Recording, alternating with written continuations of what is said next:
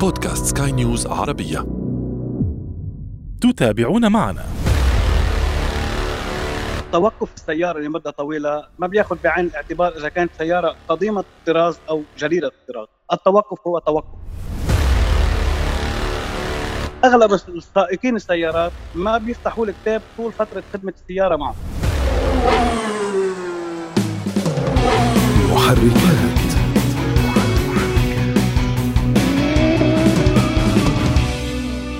ربما ليس هناك خبر أسعد للموظف أو العامل من الذهاب في إجازة سنوية طويلة ففيها راحة البال ولقاء الأحبة لكن هناك عزيزا منسيا قد لا يكون سعيدا بهذا الفراق الطويل وربما يستقبلك أيضا بوجه جاف وببعض الأعطال الميكانيكية. نعم إنها مركبتك.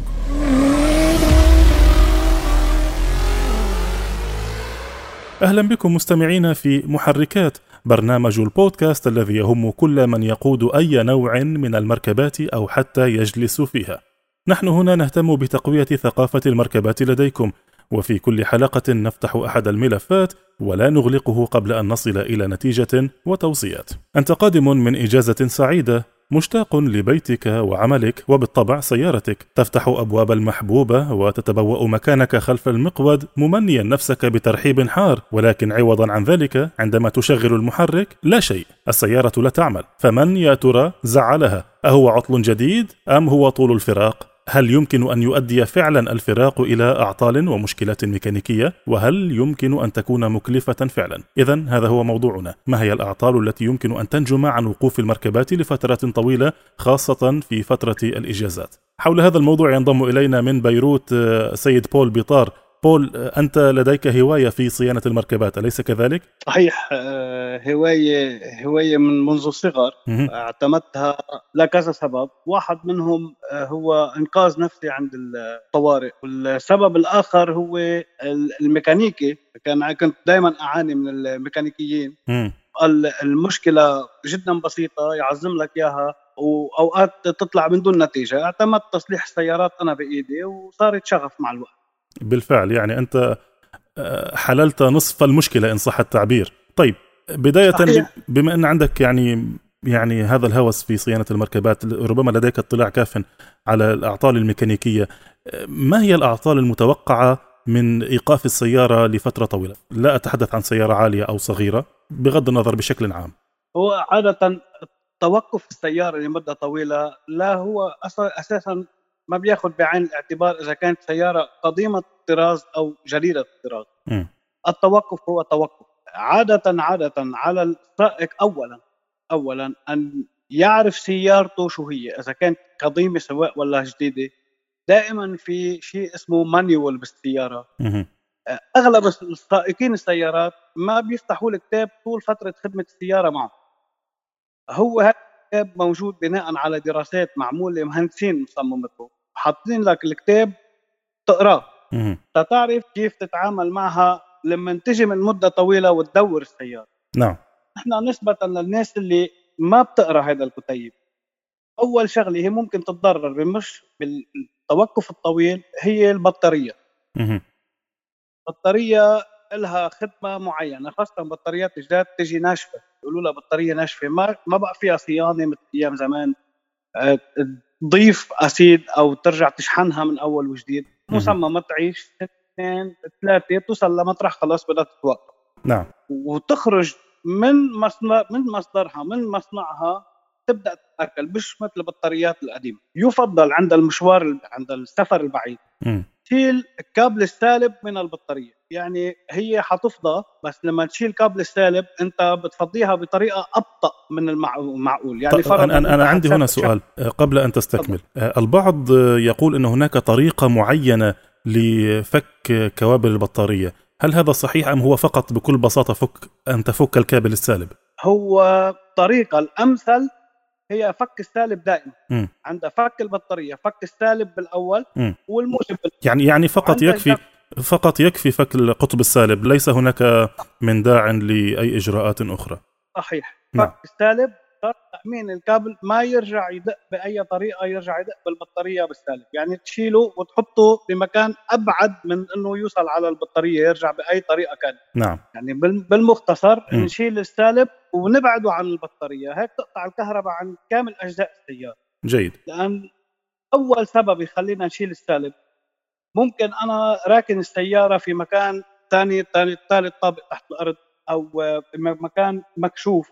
آه، معرضة أول شيء الحيوانات اللي التي تمر جنب السيارة خاصة الجرز اللي معروف عنه بحب كابلات السيارة كثير نعم ويؤدي لمخاسر مكلفة جدا. صحيح مكلفة م. جدا وممكن أوقات يوصل على مطرح مكانه كثير صعب إنك تكشف بالنظر شو اللي حاصل تيجي من بعد سفر تدور سيارتك يمكن ما تاخذ كهرباء نهائي. يمكن تدور مع أعطال كثير وتاخذ معك وقت كثير لتعرف أين العطل. يمكن يكون في مكان جدا دقيق ما تقدر تلمحه بعينك المجردة بحاجة لفحص فحص مكثف لتقدر توصل على العطل اللي صاير. تكون نتيجته جرذ حب يفوت على قلب السيارة وياكل كم كاب كم شريط. في حال بهذه الحالة كابلات اللي بتبقى مارقة بالسيارة مش أغلبها تكون سالب أو يبقى مجموعين حد بعضهم سالب والموجب. نعم في حال احتكاك الأسلاك في بعض سوف يؤدي إلى مشاكل. سوف يؤدي إلى مشاكل نحن بنقول لها short. short السالب والموجب ممكن يشعل يشعل السيارة. يؤدي إلى حريق. يؤدي إلى حريق. إذا ما أدى إلى حريق إلى عطل كبير جدا في السيارة. يعني أضيف إلى كلامك هنا أن لو في مرحلة معينة الفأر أو الجرذ قضم اسلاكا متقاربة وأدى ذلك إلى موته قد يموت في مكان صعب فعلا. ليس من السهولة الوصول إليه. أيضا صحيح 100% وصار حالات أنا اشتغلت على سيارات. أول أول شيء قبل ما نشتغل بالسيارة بدنا نشوف من وين مصدر الرائحة لنعرف وين الجرس ميت أو داخل السيارة بأي حجر دقيق. مكان مخفي نظف السيارة بالأول نقدر نشتغل. وكانت أحجام الأضرار جدا عالية. أوقات توصل لمطرح نقدر نضطر نغير كل أسلاك السيارة خاصة من من جانب المحرك. معروف السيارات الجديده لها كابلات جانب المحرك. نعيد نشتري كابلات جديدة ونعيد الكابلات عن أول وجديد.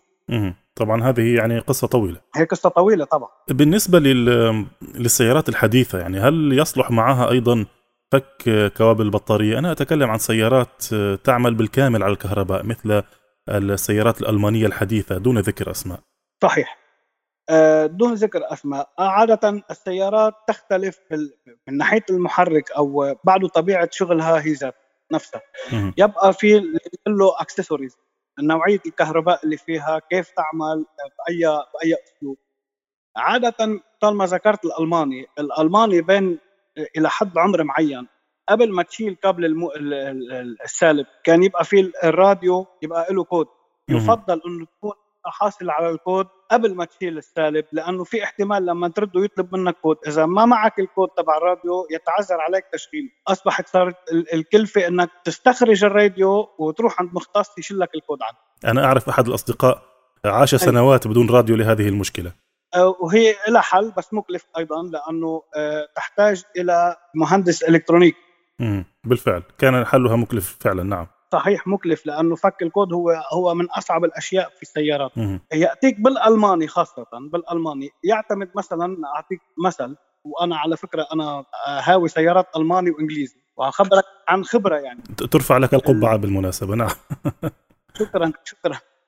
آه لما تحط السالب وتجي تشغل النوافذ تلاقي إنه النوافذ ما تعمل اوتوماتيكيا وأنت بدك تنزلها بإيدك. يعني هي تستعمل بكبسة إحنا نقول لها كبسه تكبس الكبسة. عاده أنت معود على السيارة إنه هالنافذه تنزل اوتوماتيكيا تلاحظ إنها هي ما بقى عم تنزل ليش؟ السبب هو إنه لما شلنا نحن السالب بهذه العملية نحن قطعنا الكهرباء عن كل السيارة عن كامل أجزاء السيارة بما فيها الكمبيوتر الاي سي يو اي سي يو يتحكم بكهرباء السيارة والأنظمة فيها. هون اللي ما يعرف كيف يتعامل مع هذا الموضوع؟ يقول أخ أنا عندي مشكلة. يروح عند الميكانيكي. نادر ما الميكانيكي يعمل لك إياها ببلاش. بيقول لك هذا هذا اذا إذا استطاع أن يحرك السيارة أصلا. صحيح إذا استطاع أن يحرك السياره نحن في حال عم نقول في حال استطاع ودارت السيارة بكل الأحوال عادة مش لازم يكون في مشكلة بس في احتمالات دائما يصير في مشكل. أه تكتشف بعدين نتيجة إنه هيدي مثلا مثل هاوي السيارات بيعرف. إنه في شيء اسمه memory خاصة بالسيارات الألمانية. أه إنت يفترض عليك بهذه الحالة كمطلع على السيارة أو تحط إيدتين على الكبستين تنزلهم مع بعض وتخلي إيدك ثلاث ثواني على كل على الكبستين ترجع تاخذ ال memory ترجع تعرف النافذة وين بدها توقف وترجع. ما يعني معلش. ما يع... معلش أعد أعد هذه النقطة. أنا متأكد أن المستمعين يريدون التأكد منها. أين هي الأزرار؟ مثلا الأزرار أنت اكتشفت أنه النافذة السائق والنافذة اللي جانب السائق لم تعد تعمل أوتوماتيكيا. أنت تضغط تسكر النافذتين لفوق للآخر. تكبس النافذتين مع بعضهم ينزلوا مع بعضهم أنت وضاغط على الكبستين تبع النافذة الشمال ونافذة اليمين. نعم. لما بتوصل لتحت أنت عليك إنه تخلي تخلي الكبستين مكبوسين لثلاث ثواني إلى خمس ثواني مع بعضهم. وترجع ترفعهم مع بعضهم بس يوصلوا النوافذ إلى الأخير. تخلي إيدك خمس ثواني على الميلتين تاخذ ميموري ترجع جيد. تحفظ الكمبيوتر تبع النوافذ إنه أنت توقف هون وتوقف فوق. جيد. هذه معلومة ذهبية بالمناسبة. ياخذ memory ونفس نفس الأسلوب على نوافذ ورا خلفية وفتحه السقف إذا كانت متوفرة بالسيارة ضمن ال accessory جميل. هذه معلومة ثمنها على الأقل 50 دولار. على الأقل. هلا نعم. لبنان هون أغلب الناس تحب السيارات صاروا يعرفوا فيها. الميكانيكي ما عاد ما عاد ياخذ عليها شارج. بس في في ناس ما بتعرفها خاصة العنصر النسائي. بس حتى حتى العنصر الرجالي أنا قلت لك أحد الأصدقاء كانت لديه بالفعل مركبة من إحدى المركبات المذكورة وكان يعاني في مشكلة مع مع الراديو المذياع. بالفعل قضى سنواته يملك السيارة ولم يشغل مذياع ولا يوم واحد. قال لي بصراحة السيارة قديمة وتصليح المذياع مكلف فأنا لم أفكر في ذلك يعني. هي هي ليك. أصلا عانينا منها نحن على طول كانت تصير بالألماني أغلب الألماني بيبقى حاطط لك كاتب بالكتيب اللي ذكرناه بأول ما بدينا الحديث. بالكتيب اللي بيبقى بالتابلو اللي أغلب الناس ما بتفتح وحتى ما بتطلع فيه ويبقى جديد لوقت اللي يبيع السيارة أو تتلف السيارة. بآخره يبقوا حاطين لك security code مكتوب عليها ظرف أو كتيب صغير. security code بيبقوا مزودينك الكود تبع الراديو. في أوقات ممكن تسحب الراديو بيبقى مكتوب على ظهره من فوق على الغطاء الراديو ستانلس بيكتبوا لك security code وكود الراديو. منا هالقد شغلة صعبة تروح عند ميكانيكي يحل لك إياها. نعم. أنت لو قاري الكتيب أو عندك فكرة ضئيلة بالسيارات على الأقل تعفي حالك من أوقات من دفع مبالغ طائله صحيح. يعني هناك مشكلة يعاني منها من يسكنون في بلاد حارة خاصة دول الخليج. بعض دول شمال أفريقيا كذلك وهي مشكلة الأضرار الحرارة المترتبة على جسم المركبة وعلى الإطارات وعلى الزيت وعلى المكابح. بداية يعني عرف لي بشكل سريع ما هي الأضرار المتوقعة لوقوف السيارة لفترة طويلة على البودي أو الجسم والزيوت والمكابح. خلينا نبلش هذا موضوع شوي طويل في شوية دقة بالموضوع آه، عادة بالأماكن الحارة خاصة سيارة الركن برا بالخارج. م. أول الأضرار هي تبدأ من الداخل أكثر من الخارج. يعني عندك التابلو يبدأ يتفسخ الفرش يصير مثل نحن بنقول له محمص يبلش يفسخ كمان. خاصة لو كان من الجلد. صحيح من الجلد ينشف ويبدأ إنه يتقطع. معروف الجلد بس ينشف بصير قاس تطلع عليه أوقات بتكون محمص. بس تقعد أنت على وزنك ينخزق من مطرح. ألوان التابلو ألوان السيارة من من الخارج الطلاء يبدأ يتأثر كمان يغير لونه. بنروح للداخل اليوم أصبحت نوعية الزيوت الزيوت اللي معتمدة بالسيارات. إذا بتبرم علبة الزيت لما تغير زيت مكتوب عليها عمر معين للزيت. قبل ما كان يبقى في عمر معين للزيت. يعني اليوم أنت بتفتح السيارة بتفتح الزيت بتغير لها الزيت ويمكن تركنها ست شهور. حاطين لك على العلبة إنه بتمشي هالقد وقت هالقد مسافات يعني فرضا 5000 كيلومتر أو ست شهور متوقفه السيارة يجب تغير الزيت على صحة السلام لأنه الزيت فقد نوعيته كان ماشي 5000 أو وقفه ست شهور. بيرجع عندك نتيجة حرارة برا ممكن إنه نرابيش المي أو النربيش اللي بيطلع الأساسي من طرمبه الماية من فوق من رأس المحرك ممكن يتحمص تيجي أنت بعد فترة طويلة راكن السياره برا. تيجي تدور أول ما يحمى ينفخت من مطرح. صحيح. تسبب لك نقص مي أوقات أنت وعم بتسوق يمكن ما تنتبه إنه السيارة فيها حرارة. ممكن تسبب أضرار جدا كبيرة. صحيح. خاصة هنا في القيادة على مسافات طويلة كما قلت تماما قد لا ينتبه السائق إلى أن الحرارة فجأة ترتفع. يعني أثناء القيادة في الخطوط الطويلة الإنسان يكون في حالة من السرحان فتكون عينه على الطريق وليس على العدادات. أكبر مشكلة من اللي من اللي أنا كهاوي واجهتها مع أغلب الناس اللي يوصل لعندي اللي ما أعرف إيش صار. طلع دخان طفت السياره مع الدور يا أخي رايح رأس المحرك ما حبيت معك بيقول لي لا. وكيف ما حبيت معي بفتح أنا غطى المي السياره بلا مي طب ما أنت ما انتبهت لها ما اشعت هو يفترض السائق على المسافات الطويلة هي تقنية معينة. يعني أنت بتعرف حالك رايح 20 30 كيلومتر 50 كيلومتر. ولا أبسط شيء الداشبورد قدامك آه الإبر واضحة. فيك كل كيلومتر 2 كيلومتر أو 5 كيلومتر حسب ستايلك بالقيادة أنت. تطلع لمدة ثانية بتقدر تقرأ سرعتك. ضغط الزيت حرارة السيارة وترجع تطلع على الطريق. ما تكلفك أكثر من ثانية نظرة على الداشبورد ترجع تطلع أثناء القيادة. صحيح صحيح. هي موضوع مرتبط بالعادة والتعود. صحيح صحيح. عندك كمان أجزاء بالحراره بالاطلاق خارجي. صار في أدوية نستعملها مثل السيراميك مثل البوليش. لما أنت سيارتك تنركن برا وانت عارف إنه سيارتك رح توقف بالشمس لمدة فرضا شهر على درجة حرارة 40 و50 ممكن تروح تعمل لها بوليش. البوليش يحميها مع الوقت ست شهور لقدام. ونحن عم نحكي في سيارات إذا بدنا نلحق نفوت بتقنيات. السيارة لونها أبيض تعكس الشمس. تآكل اللون أبطأ من السيارة السوداء. السيارة السوداء يغير لونها بشكل رهيب على التعرض للشمس. فأنت عليك تعملها حماية. وجه حماية؟ polish wax واركنها برات تحفظها من الحرارة من ثلاثة لست شهور.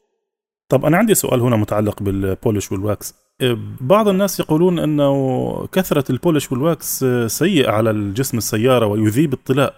ما رأيك؟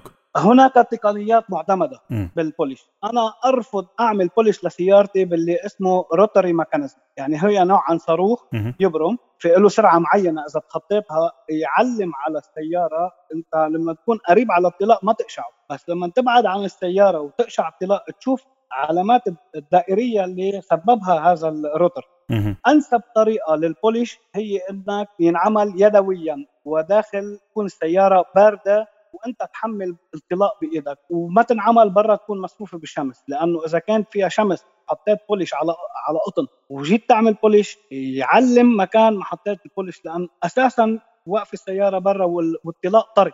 يفترض تكون السيارة داخليا في مكان داخل في سقف فوقها وتعمل البوليش يدويا فقط تعمل البوليش. طيب بما إنك طرحت هنا نقطة البولش والطلاء في الدقائق الأخيرة يعني الكثير من الناس لا يعرفون ما هو المكان المناسب لإيقاف المركبة. بعضهم قد يوقفها مثلا تحت تحت الأشجار.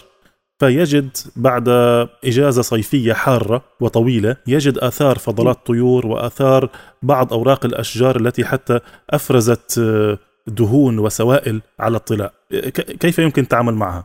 التعامل معها. إذا ما عندك مكان مناسب للسيارة اللي هو أفضل مكان تكون مركونة بجراج خاص مغلق آه، لا تتعرض لعوامل الطبيعة وهي متوقفة. في حال تعذر وجود هيك مكان يفضل إنه السيارة آه، تنركن ركنت تحت الشجره ماشي الحال. في نحن بنقول له شادر شادر مخصص للسيارات تغسل سيارتك تروح تركنها وتغط تغلفها بشادر كل الفضلات اللي تنزل على السيارة. يجي على الشادر سيارة مغطايه شادر تقصد هو غطاء السيارة. القماشي. غطاء للسيارة مخصص للسيارة صح؟ قماشي آه، ممكن يكون نوعيته أوقات آه، من نايلون أو حيلا شيء. غطاء كامل للسيارة بيجي مخصص للسيارة. في سيارات آه، بيجي فيها الشادر مخصص لها من من مصنعها ممكن تلاقيه بالصندوق. تغطي السيارة مزبوط بأحكام تشيل السالب اولا مثل ما قلنا بالأول لأنه أنت رايح مشوار بعيد. غطي سيارتك وروح. اللي أكثر شيء اللي راح يتعرض له بالسيارة هو الشادر الغطاء. ولكن الطلاق تحت منه محمي. طيب عندي سؤال. ضغط الإطارات. كيف يمكن أن يتأثر ضغط الإطارات آه، بعد فترة طويلة من الوقوف؟ ضغط الإطارات ممكن يكون عندك أنت تنفيس خفيف من البلوف وأنت ما تنتبه انركنت السيارة آه، فرضا شهر أو شهرين اللي هن التنفيس الخفيف مع الوقت بده يهبط الدولاب نسبة الهواء البلوف اللي هي جمع بلف أو ال valve اللي هو الصمام. صح ال valve صمام الهواء اللي تعبي منه الهواء. نعم. في له pin بقلبه لسان صغير. بيبقى في ارتخاء خفيف أو في عطل لأي كان. ممكن تكون أنت نازل بحفرة أو بجورة خفيفة. في كسر صغير بالجنط ما مبين أنت صافي في السيارة طبيعي عن الهواء عم بنفس حكما بده ينزل الهواء.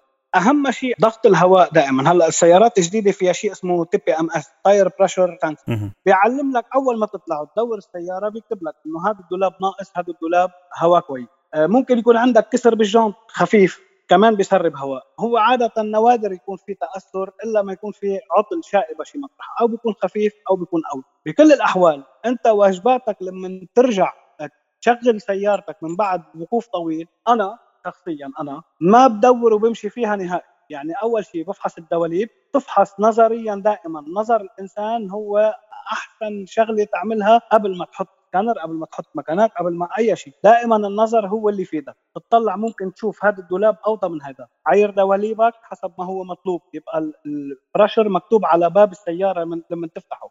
تفتح غطاء المحرك. تسحب شيش الزيت تأكد عليه. الزيت مكان ما هو لازم يكون على ال maximum level مطرح ما معلم شيش. إذا كانت متوفر آه، شيش ل vitesse السيارة أو ناقل الحركة تفتحه كمان تشيك عليه ممكن يكون في نقص في تسرب بالزيت انت مش عارف فيه. ممكن تسبب ضرر بناقل الحركة. تأمن على زيت ال steering wheel في له كمان زيت. والأهم من هول كلهم سوا هو زيت الفرامل زيت المكب. لأن هذا اختصاص وحده هو هذا اختصاصه زيت الفرامل يسحب الرطوبة.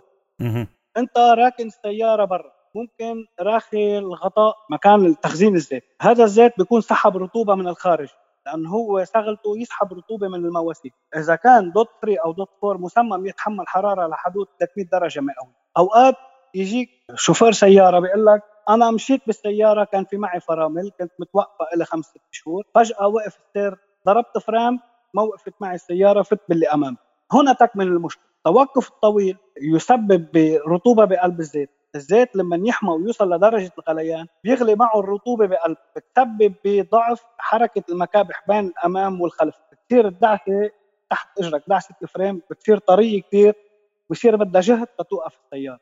هيدا الزيت مصمم. هاي معلومة في منتهى الأهمية موضوع مراقبة زيت الفرامل قد تكون الأكثر أهمية في كل ما ذكرنا اليوم. طيب بدي بشكل نهائي وفي دقيقة واحدة. هل لديك نصيحة سريعة لمن يعني أنت تحدثت بالكثير من النصائح خلال هذه الحلقة هل لديك نصيحة أخيرة أو يمكن أن تجد أنها النصيحة الأفضل لمن يسافر ويترك سيارته لفترة طويلة؟ هناك عدة نصائح مش إنه نصيحة واحدة، الأفضل الأفضل دائما إنه تعرف سيارتك شو هي قبل ما تتركها وتفل، يعني تعرف شو اللي اللي يخليها تتضرر على الوقوف الطويل قبل ما تفل. انت تتأكد منها لما تصفها وتروح لما ترجع. أهم شيء أهم شيء. أنا بالنسبة لي زيت الفرامل قبل هوليك كله نعم. شيك زيت الفرامل وزيت المحرك. كل شيء فلويدز بالسيارة. الماء كل شيء سوائل. تدور السيارة تعمل warm up لأنه الزيت كان بالكعب بكعر المحرك. يبرم ويعمل دورته كاملة. وتمشي تسوق أول فترة بتأني لأنه ممكن يكون عندك عطل بالفرامل ضغط الهواء ما انتبهت له يسبب لك مشكلة كبيرة. تأمن على سيارتك أول نهار ثاني نهار من بعد ما سفر طويل دورت السيارة ومشيت. وبعدين ترجع صيانتها الدورية مثل العادة. تعيش عصة حلوة كثير من دون ما تحط مصاري. بالفعل بالفعل. يعني وكل من يخلص لمركبته يعلم أن المركبات كالزوجات لا يحببن الفراق الطويل. صحيح. صحيح 100% 100% أنا مركبتي معتبرها كشقيقي. أنا أعتبرها صديقتي. محركات